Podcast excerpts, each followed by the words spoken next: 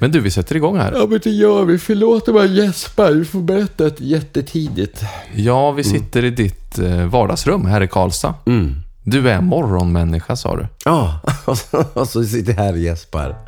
Vi är ju väldigt, eller jag är ju väldigt tacksam och glad att, ärad också att du har öppnat upp ditt hem åt oss här. Välkommen, välkommen. Varför pratar vi pappor så sällan om föräldraskap? Vi skryter ju gärna om att vi är pappor, men vi pratar sällan om det andra. Våra känslor av otillräcklighet, rädslor och skam. Det är en märklig kultur som mest drabbar oss pappor. Mammor har ju redan hur många tidningar och magasin som helst. Hur blev det så? Och varför är det så svårt att bryta våra mönster? I sommar kommer vi prata med pappor i offentligheten. Det blir samtal om att vänta barn, adoptera barn, hamna i vårdnadstvist, instagramma sina barn och att vara två pappor. Målet är att leta oss ut från stereotypa bilder av faderskapet. Vilka pappor vi vill vara, men inte är. Där vi ställer frågorna mammor får, men aldrig pappor. Vi gör intervjuserien tillsammans med Mat.se, en matvarubutik på nätet med samma mål som oss. Att bryta mönster, att göra bättre. Som att vi lägger timmar på att gå i mataffärer när vi istället kan klicka i vilka matvaror vi vill ha, vilken tid vi vill ha dem och få dem till dörren utan extra kostnad. Om det finns ett bättre sätt, varför har vi då så svårt att förändras? Det här är Faderskapstestet Sommar. Dagens gäst är Olof Wretling. Just precis, komikern och eh, ja, författaren, skådespelaren, regissören och eh, den, det gamla höjdhopps-esset Olof Wretling. Just det, det sistnämnda där tror jag inte att någon vet. Nej, han, han var ju väldigt framgångsrik eh, höjdhoppare som junior. Ja, möjligtvis att Stefan Holm känner till sånt. Ja, precis. Mm. Men det är inte därför som vi pratar med honom, eh, utan för att han eh, också är pappa. Exakt. Han har många spännande perspektiv på pappaskapet som, som vi inte har varit inne så himla mycket på Nej. i podden. Du har ju verkligen haft en, eh, ja men, Jag lobbat prata, hårt. ja, jag har velat prata med honom mycket för att han har gjort ett antal, en serie, eh, sommar och vinterprat, där han talar lite grann om, ja men ganska mycket om männen i sitt liv och så. Ja. Han är inne mycket på sin egen farsa som han förlorade tidigt i livet och jag tänker ja, men det, att det ska bli spännande att höra hur, hur det har format honom och påverkat honom. Mm. Men också så talar han mycket om diagnoserna i sitt liv. Han har till exempel en föreställning som, som åker runt nu som heter precis det. Och alltså om man ska säga något som våra lyssnare sen vi startade den här podden har pratat mycket om och bett om att få råd och hjälp och stöd i, så är det just detta att vara pappa till, till ett barn som, ja, men som är överaktivt eller, Mm. eller som har koncentrationssvårigheter. Och jag tänker att om det är någon som kan erbjuda ett sånt, allt, liksom, ett sånt perspektiv, det är inte du och jag. Nej, det är det inte. Men kanske kan Olof det. Och så- Det ska bli spännande att höra i alla fall. Mm. Nej, men, eh, packa väskorna och dra till Värmland. Det blir spännande att höra. Mm. Här kommer han. Olof Wretling.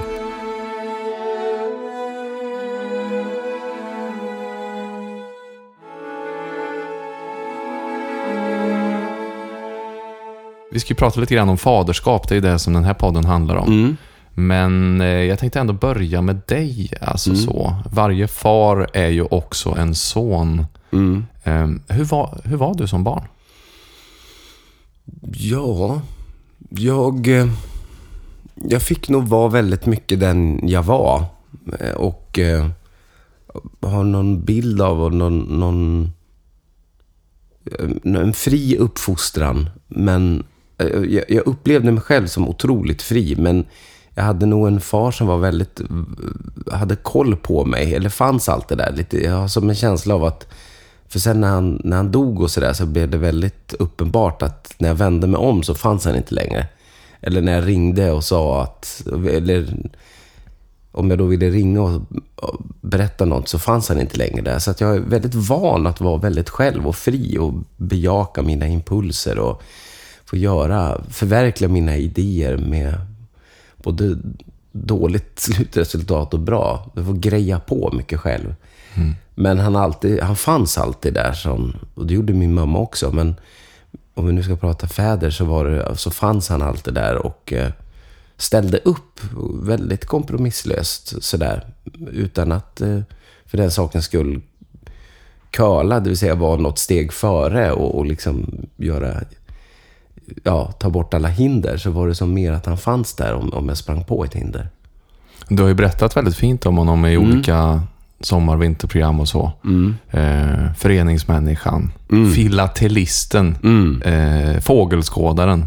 Som, det är en vacker bild där du beskriver hur han beger sig med Sportradion som enda sällskap och en sovande Olof i baksätet in i N- Norrlandsnatten då på jakt efter en berguv. Ja, ja precis. Jo, jag, var, han var, jag var, med- fick vara med väldigt mycket där vid fågelskådning och eh, eh när man skulle åka runt och, och räkna, räkna fåglar och hur många ägg det låg i bona och sådana där saker. Men kan väl någonstans ångra att han inte släpper med mig mer sådär, för det kan vi känna i, i mitt eget faderskap sådär att, att jag kanske ibland fick hålla på lite för mycket själv också. Att, min vilja att stanna hemma och bygga en höjdhoppsmadrass eller spela in ljud och konstigheter i källaren med rullbandspelaren. Eller, ibland så kan jag nästan ångra att, att man inte mer blev... Nej, men nu ska du följa med. Det här vill jag att du ska uppleva. Eh, så det kan jag känna i, i, i, i, i, i stafetten av att vara pappa. Så har jag nog inte, jag inte tvingar mig, men jag bestämmer nog att barnen ska vara med på vissa saker. Där inte deras... Eh, ja, ja, men för att man kan också ta lite ansvar. Att det här är faktiskt riktigt bra för er att få att och upplevt. Och sådär.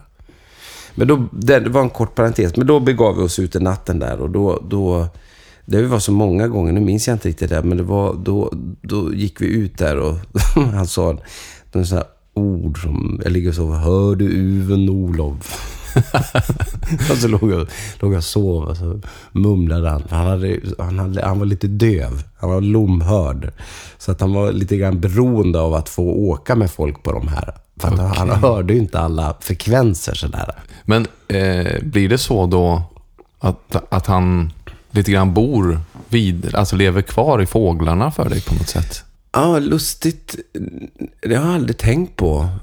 Eh, ja, kanske sådär när man... Jo, jag förstår vad du menar sådär. Det kan jag märka på andra människor så när man pratar om döden och föräldrar och syskon som inte längre finns och sådär så kanske man kan sitta så kommer en fjäril eller och så kan den personen... Det är det du menar? Titta, här kom pappa och hälsade på Ja. eller? En sån grej. Nej, jag vet, min mamma gick ju också bort Jo. när jag var ung. Och, Har du något mig, sånt eller? Ja, men för mig så var det så. Vi, eh, hon brukade alltid klippa mig. Det fanns, Mm. ingen, det fanns en frisör i Munkfors i och för sig, men den eh, erbjöd bara två frisyrer. Pott, Mm. pott eller snagg. Va?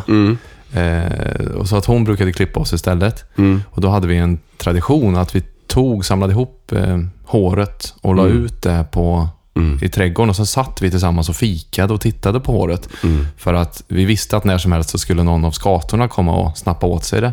Mhm. Och de använde det för att, ja, men för att bygga sitt bo då åt skatungarna. Mhm. Så för mig så blev det senare, efter att hon hade gått bort, hade, det var en sån liten detalj som jag aldrig hade tänkt på som särskilt betydelsefull. Mm. Men när jag ser skator, då, då blir det väldigt starkt. För jag tänker liksom, vem, Mm. Vem skyddar dem nu? Mamma var lite deras beskyddare ju. Mhm. Hjälpte dem med Mhm. byggmaterial till deras bon och Ja, just det. skatungarna varma om. Mhm. Ja, fint. Men, eh, ja, men man, det är ofta ganska abstrakt sådär, när en Mm. förälder går bort tidigt. Man, man hittar små ankare, gör man inte det? Ja, men det tror jag. jag ju, just sådär, n- när han kommer till mig utan att jag själv eh, liksom föder den tanken, när, när den kommer som i, i, i någon annan form och hälsar på, då är det alltid, apropå fåglar så är det när, vi, när man åker bil, jag vet inte om det här går riktigt att förklara, men om man åker bil längs en, inte längs någon, rik, någon större E4 eller E18 eller sånt där, utan du, du måste vara kring en, jag menar ungefär som, är det 55 som går upp till Munkfors eller något sånt där? 62an. 62an ja. är det. Eller 60, ja, något Ja, sånt. 62an. Och så, om du tänker att du kommer där vid, vid Olsäter där eller något sånt. Och så, det är liksom en smal landsväg sådär. Den är inte så trafikerad. Och så är det så här lite blå himmel och sådär. Och så, så helt plötsligt ser du något svart. Du sitter och kör bilen så ser du något svart där uppe i himlen. Då tvärnitar man. För det kan vara en fågel som du ser vid backspegeln. Du förnimmar den snett upp sådär. Det är min uppväxt. Att köra väldigt ryckigt längs 62 år. Inte då i, i Värmland utan i Västerbotten. Att man, då tvärbromsar man och så, så trycker man hakan över, ovanför ratten och så tittar alla i bilen upp och så bara Titta, örn! Ja. Eller "Det- titta nu, titta en slaguggla! Titta så fantastiskt! Och så är man nära på att bli rammad av en bil bakanför. Så det är de, de små skat, skatorna som kommer där. Strax innan han dog, har du berättat, så, Mm. så, um, så frågade din pappa dig om du verkligen trodde att det bara var dåligt att han dog. Mm. Ja. Eh, och du har berättat hur du blev arg när han sa så, Mm. men att du senare förstod då att, eh, att han hade rätt. Mm. Hur, hur, hur då? Ja, men vi hade många samtal så där. Det var väl det, det som var en väldigt eh, bra sida av själva det jobbiga under den tiden. För den var ju så fylld av, av dåliga besked från läkarna och dåliga prognoser. Och man såg själv att det här var inte alls på väg åt rätt håll. Men då, då föddes, i detta föddes ganska stillsamma samtal. och man fick verkligen ur sig massa konstiga frågor och märkligheter och sådär. Och pappa har alltid varit någon slags sådär... Eh, alltid varit stark på något väldigt stort sätt. Den har som sett sig själv både som personen men också sett sig själv i ett större sammanhang. Sådär.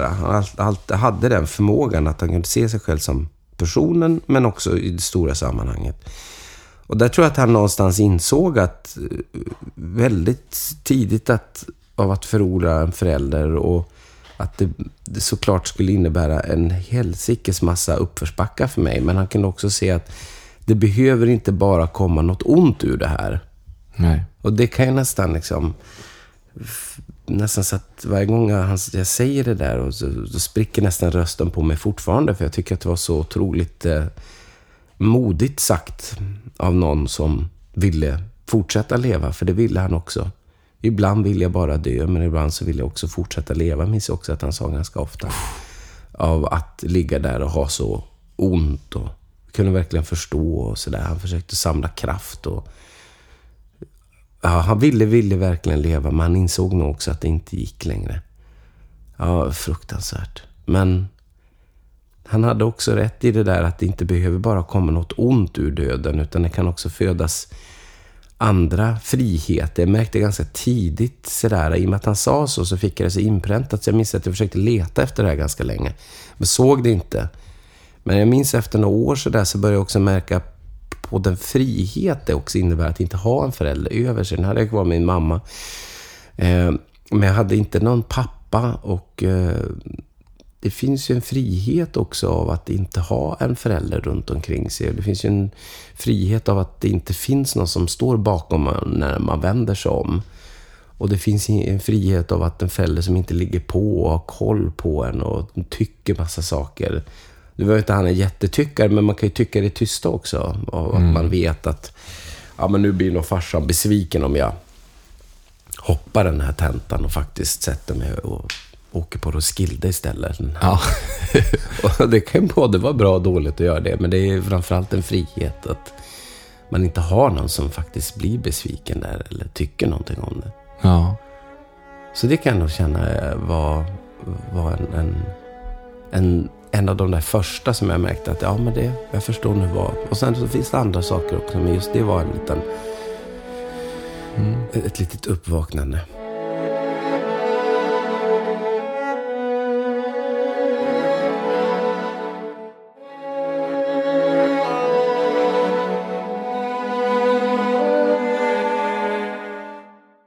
Som barn hoppade han högst i hela Sverige. Tanken var att han skulle hoppa högst i världen. Men så kom döden emellan.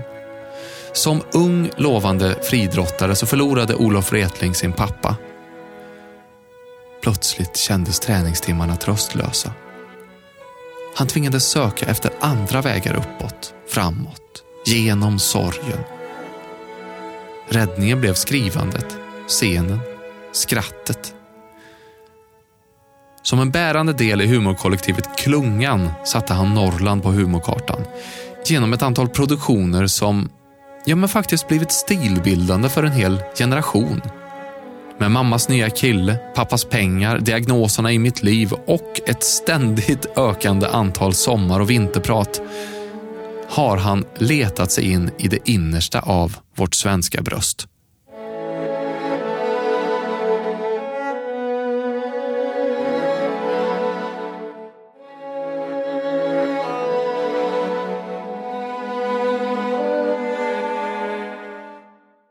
Nu är du själv pappa Ja. till tre barn. Mm. Nu ska vi se så att jag får alla rätt här. Det är Mary, Mm. Doris Ja. och Otto. Ja, Doris är äldst och så Mary och så sen är det Otto då. Mm. Mm. Hur är du som pappa skulle du säga? Ja, jag har nog gjort upp med det. Jag minns att jag hade mycket sådana funderingar kring när vi fick vårt första barn, Doris, och bodde i Göteborg. Då hade jag nog sådär, läste böcker och, och gick igenom just det där. Vad, för det minns jag också, ett av mina samtal med pappa. var- Jag minns att jag frågade pappa när jag var ung, när jag var liten. Så här, så frågade honom sådär, hur är du som pappa? Och vad, hur, hur, du vet, man hade sådana här frågor som kunde ploppa upp allt från man var på väg till tennisträningen och så plötsligt så frågar man någonting. Då minns jag att jag frågade så här, hur var du som pappa? Och, eller hur var din pappa mot dig och hur har du tänkt när du är pappa? Jag, hade en sån fundering. Då minns jag att han sa jag har försökt behålla de sakerna jag tyckte var bra. Och sen vara mig själv också. Alltså, och det brukar jag tänka på ibland, att det är nog bra. Det är väldigt sant faktiskt. Ja, att man försöker behålla det man faktiskt tyckte var bra. Och sen är man nog sig själv. För det märker man nog ganska snabbt om man är nybliven pappa eller så märker man att man kan ha alla de här idéerna om faderskapet. Men det kan inte bara... Det är ju väldigt lätt att det bara blir tillkortakommanden kvar. Att man Ja. försöka... Man går ju också ofta igenom en period av posering. Jo, Alltså att man försöker vara den pappan som man läste om i ja, självhjälpslitteraturen Ja. och eh, på profylaxkurserna. ja, ja. Och sen eh, faller lite grann eh, på- av en efter en känner jag. ja. Eller så blev det för mig i alla Jo, fall. nej, men så här, vi gick också några kurser där och sådär. Men då, då bara vaknar den där liksom... Då, sit, då vaknar bara det där larvet i mig. Jag kan inte förhålla mig till grupper och sitta med där. Då sitter mest bara och skojar hela tiden och vänder på allting. Så det, det, det ger varken mig eller någon annan någonting. Utan jag måste få hitta det själv på mitt sätt och ha samtal med människor som jag känner mig trygg i. Och, men att gå, gå kurser och sånt där, det går inte. Jag har försökt så många gånger. Men apropå att vara sig själv då. Du är ju komiker till Mm. yrket. Är du det hemma med barnen också? Den roliga pappan, komikerpappan. Det vet jag. Man märker väl, ibland så tycker man väl att man har hittat en jätterolig röst eller gör något jätteroligt skämt. Men då, då märker man ju sådär äh, lite smärtsamt att visst, jag, jag är ju pinsammast i världen. Jag är ju den som... Eh, men, men någonstans så ger jag väl inte... Jag tycker om att skoja, så där, där böjer jag mig väl inte heller. Det är, att sitta och skoja och göra saker, det är för mig ett sätt att umgås eller att leka med klossar. Att, och hålla på och eh, göra saker och hoppa. Menar, vi åker jättemycket på jump här i Örebro och hoppar. Och det är jätteroligt att försöka hoppa roligt eller trilla roligt och sådana där saker. Så det är som ett sätt för mig att, att umgås med mina barn är ju att ja, göra roliga saker med maten eller ja, det är som ett sätt att... Eh, Hur värderar du dem? För jag tänker, du är så van vid att få publiker att vika sig av skratt. Mm. Alltså hur värderar du dina barns, alltså Ja, som bra. publik så? Ja, visst ja. Bra. Ja, men alltså det... det ja, precis. Jag vill att ni står upp och applåderar åt pappa här nu. Precis. Det där var riktigt roligt. ja, precis. Ja, nej, det vet jag inte. Ja, men, det men så är det väl. Att få någon att skratta, då blir man väl alltid glad. Men det är väl ingenting jag jagar. Det är ingenting som jag... Det är inte så att jag går hem och gör röster och gör Nej. Katla och Pet- Peter Nilsson och Mangan och... Nej. Och sådär, nej verkligen inte. För det är lite grann som att eh, gå, i och med att det är någonting som vi gör så mycket perioder så vill man hellre vara fri av det. Men sen så kanske man kan... Barnen tittar ju på jättemycket ba, film, eh, sådär, eh, animerade och, dubb och, och dubbade. Och då, som jag alltid har gjort, så sitter jag och härmar alla rösterna. Just det. Och försöker hitta vart de... För det är ju som att dubba film, det ska ju gå så fruktansvärt snabbt. Mm. Och det kan de barnen tycka är roligt och en- enerverande. Men apropå där då, att lägga röster Mm. och barnkultur överhuvudtaget. Du har ju gjort mycket barnkultur genom åren. Ja. Du är väl aktuell nu till exempel med Pappas pengar säsong visst två. det. Ja, Ligger jag väl såg uppe, den. Ja. eh, På Play. Mm. Stort tips. Men eh, jag har märkt på senare år att eh, dina barn har också börjat förekomma eh, i vissa eh, produktioner och så. Eh, som röster eller framför kameran till och med i vissa Mm. Ja. sammanhang. Eh, hur, hur tänker du där? Det, jag, har, vi har inte, jag har inte tänkt så mycket där, utan man jobbar som det man jobbar. Och på samma sätt som min pappa var väldigt bra på att ta med mig på jobbet och fågelskådningar och, och sådär. Så lite grann som vi började intervjun så har jag väl också... Det finns väldigt mycket att lära från dem att eh, göra röster och vara i produktion. Jag tycker att det är ett bra sammanhang för att man presterar med andra vuxna. Till exempel så gör vi Värmlänningarna som vi börjar repa nu, där du också Just runt som barn. Gud, jag känner vadmalsbyxorna i knävecken bara du säger det. Liksom. Knotten. Ja, ja. Men också underbart. Ja, det är Wow. helt fantastiskt. Och, och grillningarna och stugorna och lekarna och, och spelet. Och där kan vi tycka att just teater och att prestera i det som är att jobba professionellt med teater och, och inom radio eller tv och film och sådär så tycker jag att det är väldigt bra för mina barn och lärorikt att få vara i det. För att, som jag sa, att få prestera mot andra vuxna. För helt plötsligt så har den vuxna lika mycket, det är liksom den vill ju också göra bra ifrån sig och barnet också. Så att det, man är, möts helt plötsligt. Och, och, och det är en bra, bra och tydlig arbetssituation där man ska vänta på sin tur och sen ska man prestera och få till det. Och, Men det är ju Mm. också som, för jag är ju själv ett barn som drogs upp på scen mycket Ja. tidigt som barn. mm, Eh, för mina föräldrar var ju skådisar. ja. Och eh, det är ju den mest magiska leken. Jo. För att det är så sällan man får leka på det sättet. Fantasileka med vuxna. Mm.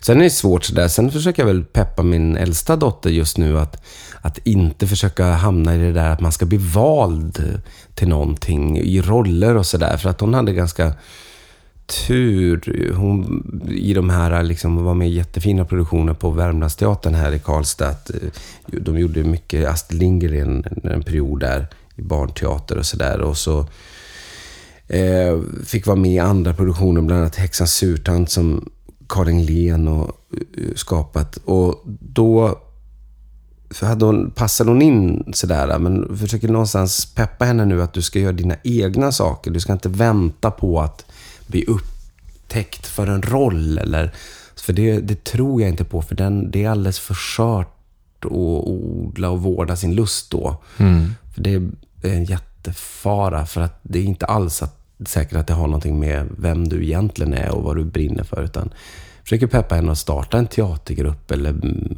vara med i en teatergrupp eller göra ett projekt eller sådär. Mm. Fint. Jag tänker så också när du eh, jobbat så mycket med barnkultur, Eh, bra barnkultur. Har du eh, tankar kring, alltså skärmtid är en av de vanligaste Ja, frågorna vi får från våra lyssnare och så. Många som är oroliga och många som vill begränsa på olika sätt. Har du gjort det under? Ja, alltså jag har väl som, ungefär som, jag har som valt en annan väg just nu. Och det är att försöka hitta, för det går som inte riktigt att trycka bort den där själv. Ja, det är klart man kan ju, det är klart att jag har försökt, alltså till slut blir det som att man rent fysiskt har försökt att ta iPadsen och säga att Nej, men nu tar jag bort den här för nu är klockan åtta. Just det. Det funkade en dag för mig, för att jag får för dåligt samvete och det är inte jag. Så det, men det kan ju vara bra att ha lite sådana här stora samtal med barnen ibland när man inser att man kan inte ligga och, och, och klösa på den där klösbrädan eh, så sent. Men nu har jag som valt en annan väg i det och min fru också. Att vi, jag har köpt, jag ser, på andra sidan bordet här så är det som, det är lite sådana där, ska vi inte göra för mycket reklam kanske, men det, det finns ju som, men man kan köpa pennor till iPadsen och lite pedagogiska spel och eh, gå med det där. Att inte försöka, försöka hitta, liksom, och nu är inte de där pedagogiska spelen sådär tråkigt som ordet låter, utan de Nej. är jättebra. Och framförallt en ritpenna är ju jätte, jätteroligt. Sådär. Så då kan man väl känna att... Och det är så svårt. Det. Menar, du sitter ju med en telefon nu. Det är, Ja. alltså, jag kan inte läsa. Det är jättesvårt att läsa en annan människa. Alltså, sitter du och kollar Aftonbladet eller mejlen eller... Alltså, eller läser du... Alltså, det är också det som... Mm. Ibland så har man ju som så här, flugit på barn och säger att du får inte sitta med den här nu, det är inte okej. Och så tittar man på, oj, du satt ju och gjorde Albert här nu med. Ja. Pluggade ju matte, men du, när jag gick härifrån så kollade du ju Ninjago eller Flink, ja, någon, någon serie. Hur det är helt omöjligt. Mm. Det kanske är så med. att vi måste på något sätt eh, lära oss, lära, lära om oss det här med tillit på ett sätt. Mm. Alltså att man litar på varandra på ett... eh, Alltså de, den här typen av processer har ju he- hela tiden Mm. eh, pågått inom oss. Jo. Innan vi hade telefonerna och Mm. flyttade ut, flyttade ut tankeverksamheten så. Ja. Alltså det blir så tydligt nu på Jo. något sätt. Men man har ju suttit och tänkt på Aftonbladets artiklar innan. Jo. Eh, Även när man har Mm. till synes varit närvarande. Jo, det är sant. Men det, jag, jag kan någonstans, någon, någonstans... Jag, jag hade ett samtal med Doris härom, häromdagen sådär. För vi pratade om, om, om, eh, om grupper och, och, liksom, och vad hon har som en sån här liten dröm att vara själv tränare och ledare. Och, sådär. och då pratade vi om just det där att... Eh, för mitt, mitt sätt, vi, nu blir det två lager i det här samtalet. Jag, jag, jag vågade ju inte mig upp på en teaterscen förrän jag var 28 år. Men jag re- skrev och regisserade från jag var 20. Så att, att skriva och regissera var mitt sätt att våga mig upp på en scen. Så därför har jag alltid uppmuntrat mina barn också att om du vill vara tränare innan du det, det är inte, man behöver inte, att vara tränare behöver inte vara att man är en avdankad friidrottare eller en före detta fotbollsspelare. Eller, jag tror lika gärna att det kan vara bra att man är tränare. För då kan man säga andra saker Mm. än någon som är luttrad i det. Det är väldigt insiktsfullt. Jag har aldrig tänkt på det så, men det, det ligger ju väldigt mycket i Ja, det. men för en grupp kan komplettera sig själv. Det kan vara bra att någon inte har vunnit alla tävlingar och kan allting. Utan det kan vara bra att den personen ser andra saker. För gruppen i sig kan laga sig själv och så kan den personen som har den här erfarenheten av slutspel eller SM gå in och täcka upp det som kanske då tränaren inte har. Men det är en annan diskussion. Men då, då pratade vi i alla fall om, om, om just en grupp och just det här med skärmar och telefoner och sånt där. Och då kunde hon också utifrån det perspektivet att vara tränare som hon har testat några gånger. Och då kunde hon också känna en enorm frustration över när folk står med sina mobiler och Mm. så att jag tror någonstans med, ungefär som vi pratar nu, att man har en ögonkontakt och att jag tror någonstans att det, eh, att man Det känner viktigt. varandras närhet. Det är klart man kan nå dit ändå på många andra sätt, men just telefonen och, och okoncentrationen som den föder en, en stämning av i alla fall. Så det är svårt. Det är svårt. En utmaning.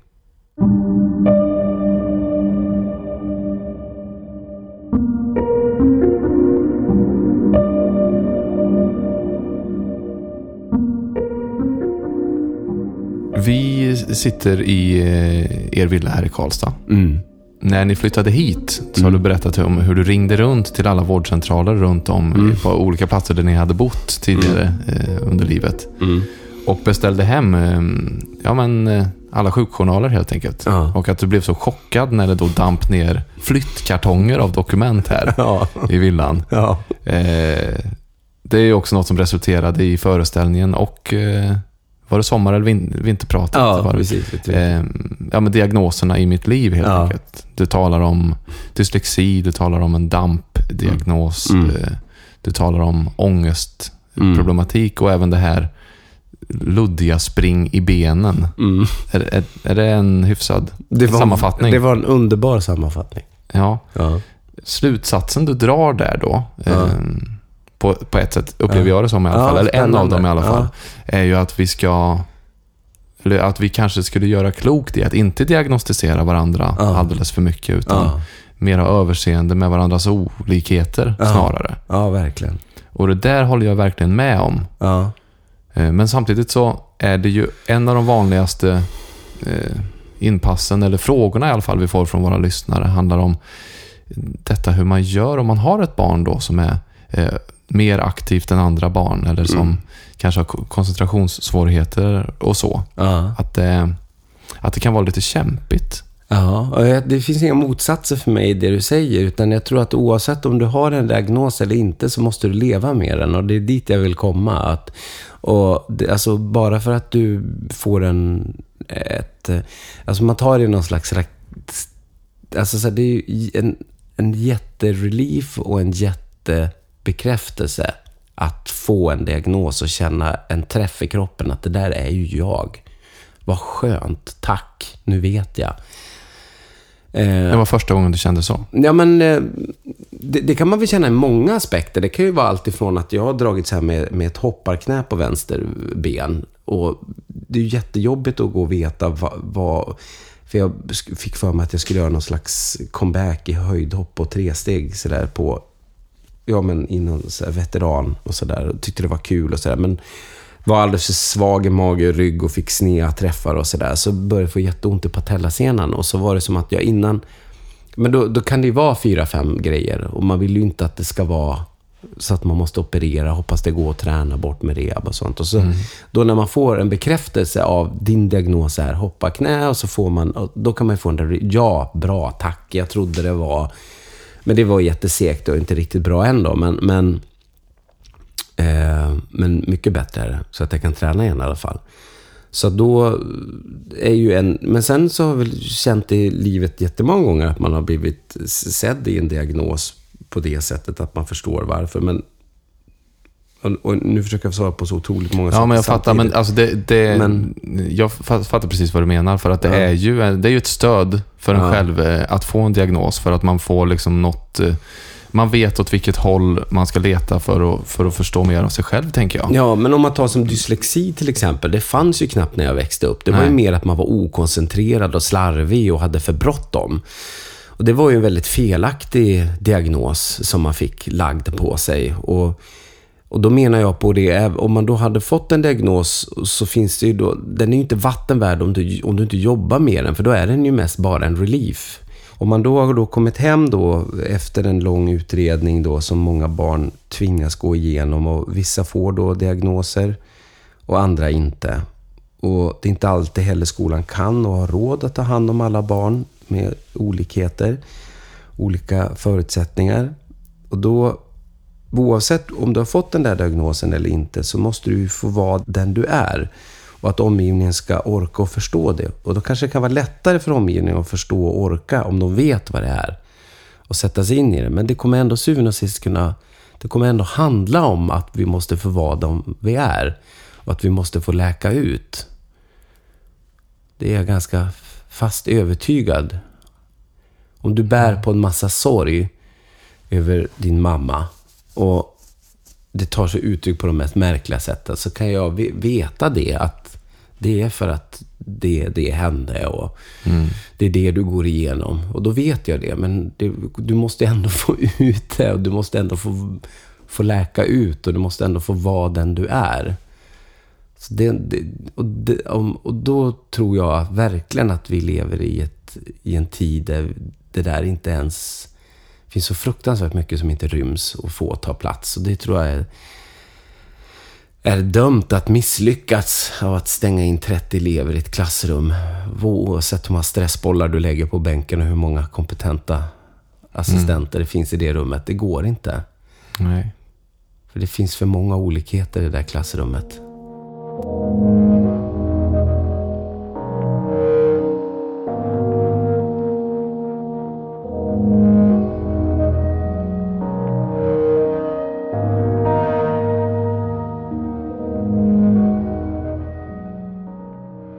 Så mycket som man vill rymma här. Mm. Så, och jag har en fråga till dig, Ja, faktiskt.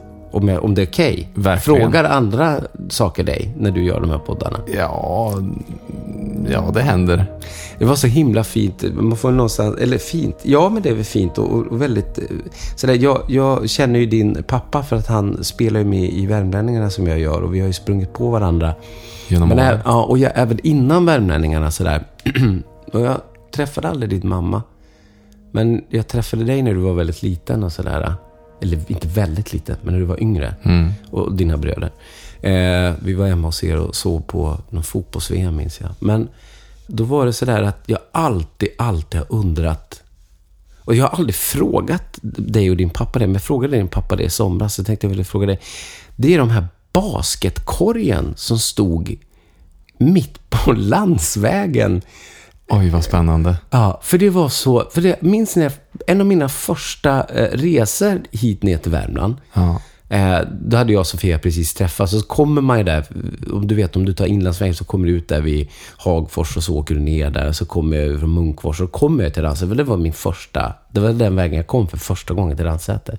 Och då ser jag den där basketkorgen på den där lilla, lilla Ska vi beskriva den? Ja, Vad är det för väg? Som, är det som 62 avfart, Ja, en avfart på 62an. Ja. Skrovlig, dålig asfalt som liksom frasar i kanterna med Ja. fullt av grus. Och den där basketbollen åkte jag förbi i alla dessa år sådär, till och från. Och sen började jag så få, men fasen, det kanske är Leifs pojkars basketboll. Och det där är det måste varit helt livsfarligt att spela basket där. Ja, ja. Och, och det var, för jag tänkte om ni hade fått en kantträff på, liksom antingen på ringen eller på, på planket där, så måste bollen ha studsat ut på landsvägen. Men sen så berättade han att den hade lite grann med er mamma att göra. Att ni fick den där korgen när hon hade dött. Att ni Gud, det, det visste inte jag om. Alltså, Ja. Att det var så. Så för Leif var den där eh, basketkorgen lite symbolisk sådär. För den såg väldigt symbol... Den, Ja. det såg, den såg... Nu Gud, finns den inte längre. För, att det- för mig ja. har den en helt annan symbolik nämligen. Jaha, för det såg så... Ni får tänka ni som lyssnar på det här. Det, var som en, en liten fyr. Bliv, Ja, men någon sorts totempåle nästan. Ja, också, mitt va? ute på... Och så den där åkern bredvid. Och ja, jag tror att man tänkte så här, där kan nog ingen spela basket, men ändå en, en dröm, eller... Ja. Och så för Leif var det som att han köpte den där till er när, när, när mamma gick bort och så, så gick ni dit och för han så, men ja. Men, Mm. vad betyder den för dig? Nej, men för mig så var den, för att eh, den var min och mina bröders, men den var också min granne Jespers och min andra granne Jens. Mm. Och för mig så var den, alltså när man kommer, när man bor på ett sånt ställe som Munkfors, en Mm. bruksort, och är, alltså har ambition att vara kulturell eller vara något annat än allt det som är inne i, alltså egentligen vara något som inte är bara överkropp, skinnväst och Lasse Stefans keps Mm. och träskor på, på skolan. Mm. Det, det är faktiskt jädrigt tufft. Så. Ja, oh ja. Eh, Det där var din NBA-dröm. ja, alltså det fanns ju inget basketlag i Munkfors. Fanns, man fick ju spela fotboll eller Ja. hockey, det var ju de. Eller liksom följa med kemiläraren och spela badminton ibland. Ja. Eh, men, eh, ja, men just basket blev en symbol för ett motstånd. Mhm. Det var vår motståndsrörelse liksom. Det var våran... Ni var ju så, eller ni är ju väldigt långa ni alla tre bröder va? Ni är väl Ja. över 1,90 hela gänget va? Mm. Ja, visst det. Kul. Ja, men jag har ofta tänkt, och nu, nu vill jag väldigt gärna att min dotter ska börja med basket. Jag Ja. tror att hon kommer bli lång. Ja. Och jag skulle så gärna, fast det, det är också, jag, vet, jag försöker hindra mig, för jag vet ju att det bara är mina oförlösta drömmar som jag Ja. projicerar på Men det henne. vore väl roligt? Ja, det vore ju väldigt kul. Ja.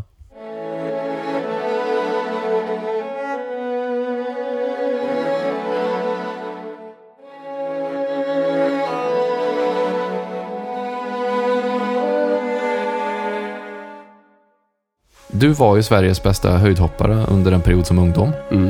Eh, Du har berättat eh, om din tid i Göteborg som elitsatsande friidrottare då. Om hur du mer eller mindre kastade ut Håkan Hellström från någon efterfest där för att du skulle syssla med mental träning och så. Eh, Det var ju lite sådana grejer. ja. Och det känns på något Det här kanske inte alls stämmer, men, Nej. men det känns på något sätt som att det här elittänket, Ja. eh, eller åtminstone draget att bli fullständigt uppslukad av det man gör, Ja. har fortsatt i, i din karriär även sedan du bytte till ja. alltså, komiker och regissör och författare eller vad du än ger Ja. dig på. Jo, och det fanns nog innan idrotten också, måste jag nog bara få flika in där. Ja. Jag tror att jag är sån. Du är sån. Ja, Har det ibland varit svårt att kombinera, alltså med barn och så? jo, det tror jag. Det tror jag att, att man... Eh, apropå som du själv touchade där, att blanda ihop sig själv och vad ens egna drömmar och sådär. I och med att jag själv alltid har varit så otroligt intresserad av att... Eh, av att... Eh, att vara sådär hand, Alltså att jag, jag tycker att man får så mycket. Då tycker jag att det inte är jobbigt att lägga ner tid. Att när man verkligen blir hänförd. Jag tycker man får så mycket energi av det då. Jag tycker man får så mycket tillbaka av det man Mm. pillar med då. Att när man får vara i det och förstå alla parametrar som spelar roll i en prestation. Om det sen är att göra radio eller om det är att hoppa höjdhopp eller göra ett läger för barn. Jag minns att jag gjorde jättetidigt sån här...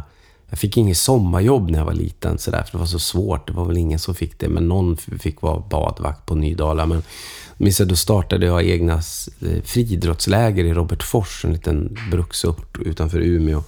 Eller gammal bruksort som vi kommer ifrån. Ehm, och då... Då blir det någonting jag åker in i, att få spons från Ica och bananer och Mm. kepsar och tischer och, och lägga upp det och gå ut i skolorna innan och göra reklam och prata om det och sådär. Så att då, jag vet inte. Jag, Men jag, för att det är något som jag själv... Jag tror att jag... På många sätt känner jag mig väldigt Ja. lik dig. Jag Ja. känns som en liten tvillingsjäl på något ja, sätt. Ja, men jag märkte det Eh. när jag frågade dig om... Jag, kollade av lite grann där och du sa det där när jag frågade hur du gör. Att gör du allting när det är det med annonsering i podden och sådär? Och då, Mm. kände, för då tänkte jag, ja men vi är nog rätt lika du och jag. För att jag märkte att det var ingenting som besvärade dig. Att du hade många... Gjorde många saker i Nej, din grej liksom. Nej, men exakt. Då kände jag när jag fick barn Mm. att det var en utmaning för att får man barn, det går ju inte att vara riktigt lika uppslukad då. Alltså man Ja, måste ta sig ur, jag måste ta mig ur projekten, jag måste Mm. komma hem och jag måste hämta på förskolan. Jag kan liksom inte sitta, ett, jag kan inte dygna här framför datorn och Nej. bara redigera ett radioreportage eller vad det kan Nej. vara. Men är inte det fara med våra jobb? Det är ju att det går ju ändå. För du kan ju hämta och sen så kan du komma hem och så kan du som... Vi har ju... ett- Alltså, men elektriker kan inte liksom småjobba med att dra el hemma. Nej, precis. Och, och sådär. Men du och jag kan ju sitta och... En lärare kan ju inte heller sitta och rätta prov riktigt samtidigt. Det kanske de inte gör längre hemma. Men förstår du vad jag menar? Ditt och Ja. mitt jobb, vi kan ju gå och småfnula. Vi kan ju gå och klippa i huvudet. Och Det har jag fått jobba jättemycket med. Att jag... Att ta bort det eller? Ja, alltså det är ju inget roligt, varken för mig eller barnen eller Sofia om man går och... och nu är Sofia väldigt lik mig, så där. vi är ju projektmänniskor båda två, så där. Så att det, det är ingen som blir besviken om någon eh, sätter sig och svarar på mejl i 45 minuter efter Nej. middag eller så Men för att det här är jag ju supernyfiken Ja, på. För att ja. det här är ju något som jag är i stort behov av. Ja, men För jag känner verkligen så. Eh, att jag... Alltså hur, hur gör du? Hur tänker du när, du när du känner att nej men nu måste jag stänga av jobbet? Eller den här Mm. föreställningstänket eller var, vilken bubbla du än går i. Hur tar man sig ur? Jag, jag stänger ju som inte riktigt av, för jag tycker så mycket om det. Och jag märker att jag mår bra av det. Och om jag stänger av det så hittar jag bara på något annat. Ja. Och då kan liksom de mörka tankarna komma för mig. Alltså om jag...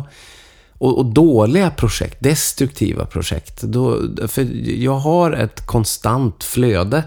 Och om, om jag får projicera det på friska och bra saker så, så, så funkar jag. Men om jag, jag vet att när jag försöker stänga av och inte tänka på grejer, då kan jag börja hitta på Eh, ja, men då kan jag... Om det sen är hypokondri eller orolig själ eller...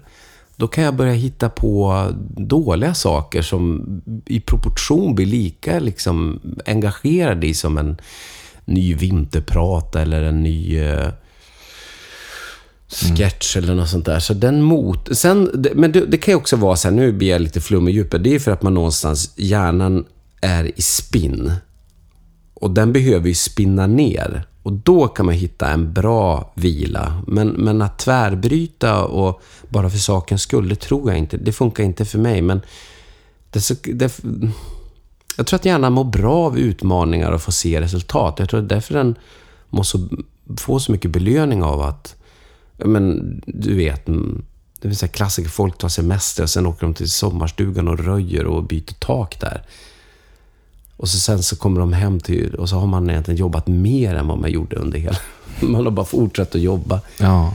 det kanske är så för mig också faktiskt. Att, att det är lönlöst att försöka bryta och stänga av flödet. Att det bara sipprar igenom. Jag tycker du ska vara glad att du har det. Du ska vara jätterädd om det. Ja, För att jag tror att det, är att det där ständiga flödet och impulserna och sådär. Sen så måste man väl hitta... ehm, men det, är också svårt sådär för att, att möta... Det, det har jag märkt på sådär att om man ska vara... Jag kan känna liksom den stora skillnaden mellan mig och min föräldrageneration och... Eller och min... min det, det, jag lekte inte så mycket med, med, min mamma och pappa när jag växte upp. Och de lekte inte med mig och jag lekte inte mycket med dem. Utan de, mamma läste böcker och pappa satt på frimärksrummet och jag ville... Det, det är väl liksom min bild. Sådär. Sen är det säkert att vi hittade på saker tillsammans. Det jag kan känna, som jag med föräldrar har brottats mycket med, det är ju att av att man kanske ska försöka vara kompis med sina barn. Och då minns jag en sån tidig iakttagelse som jag hade i Göteborg, som när man gick på lekplatsen och med andra, man såg andra liksom pappor som var eh, pappalediga. Så såg man liksom alla dessa pappor liksom klättra i klätterställningarna med sina barn. Och det är väl därför att man kanske är själv i liksom, den formen att man kan det. Men det är också någonstans, det kan ju föras en någonstans, en sån här, låt din, dina barn vara. ja, Varför ska du klättra med dina barn? Varför ska man vara kompisar och upp i sina barn? ja. Det, det är väl som en, en, en in, in, instick, eller någon sådär insikt som jag har. Och den andra är ju som också sådär att man har det där flödet och man är i projekt och texter och och så kanske man lägger ifrån sig det, så kanske man går in i ett rum där då liksom Otto eller Mär eller Doris gör någonting och så tänker man, men nu vill jag vara med er. Men då kan ju de vara uppe i något helt annat. ja just det. Och då kan jag tycka att ska man verkligen hitta kvalitet på det där och bryta på riktigt, så måste man nog hitta på någonting tillsammans. Och det kanske man inte orkar om man är slutkörd, men där tror jag ans, där ligger energin i att vara en bra förälder. Att sådär, du kan inte skrika så här, vi, nu är din skärmtid slut. Nej men vad fan, upp och hoppa gubbjävel, hitta på något roligare istället. ja, just ja, det. men hitta på något som toppar skärmtiden. Vet ni vad? Jag, jag har en idé. Vi, vi åker och gör en pizza nu här. Vi åker och kö- köper ingredienserna till en pizza och så gör vi pizza nu här. Ja, vad roligt. Mm. Eller vi åker iväg och går hinderbanan uppe på vad heter den där? Kronoparken. Har så där, man springer och så kan man göra arm... Ja, så där. Det gör vi nu. Och där kan det ju ligga... Och det, det är inte säkert att man orkar det varenda jäkla dag. Men där tror jag att det ligger en, en bra ingång till att vara en bra förälder.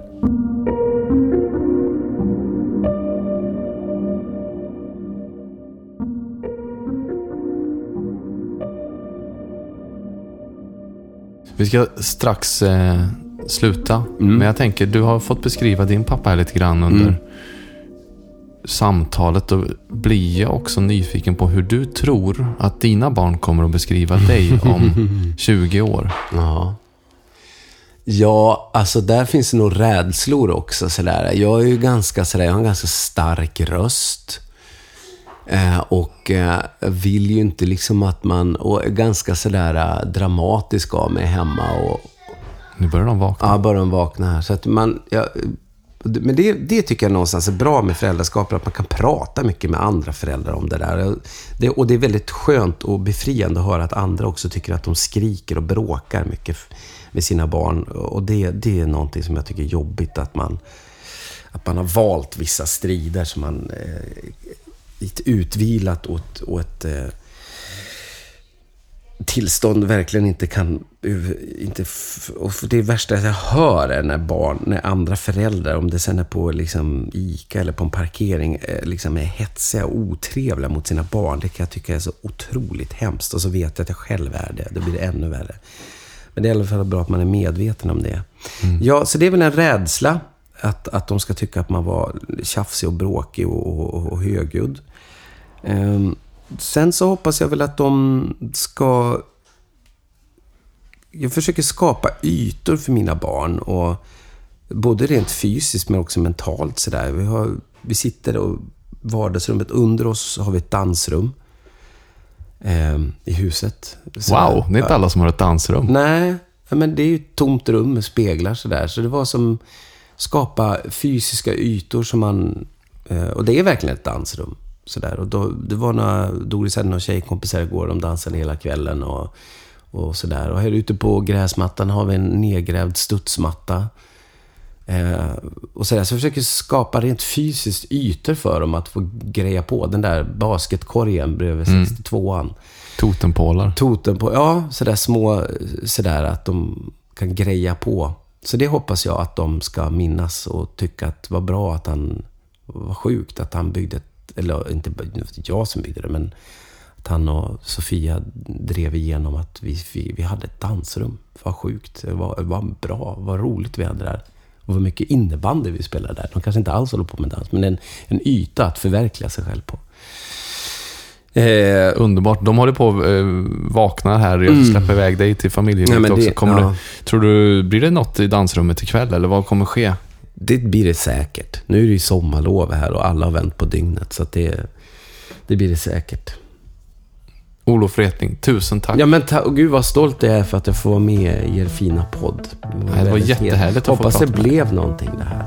Det, det vet jag att det blev. Ja, vad bra.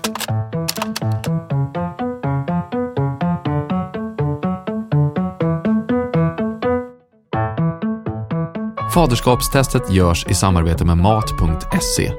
Använd koden PAPPA så får du 200 kronors rabatt om du handlar för mer än 500 kronor. Då får du alltså dina matvaror direkt hem till dörren den tid du vill ha dem för samma kostnad som en vanlig matvarubutik. Varför stå och rota bland de trånga butikskorridorerna i timmar varje vecka när du kan hänga med barnen i en lekpark och klicka hem allt med mobilen? Bryt ditt mönster, använd koden PAPPA på mat.se.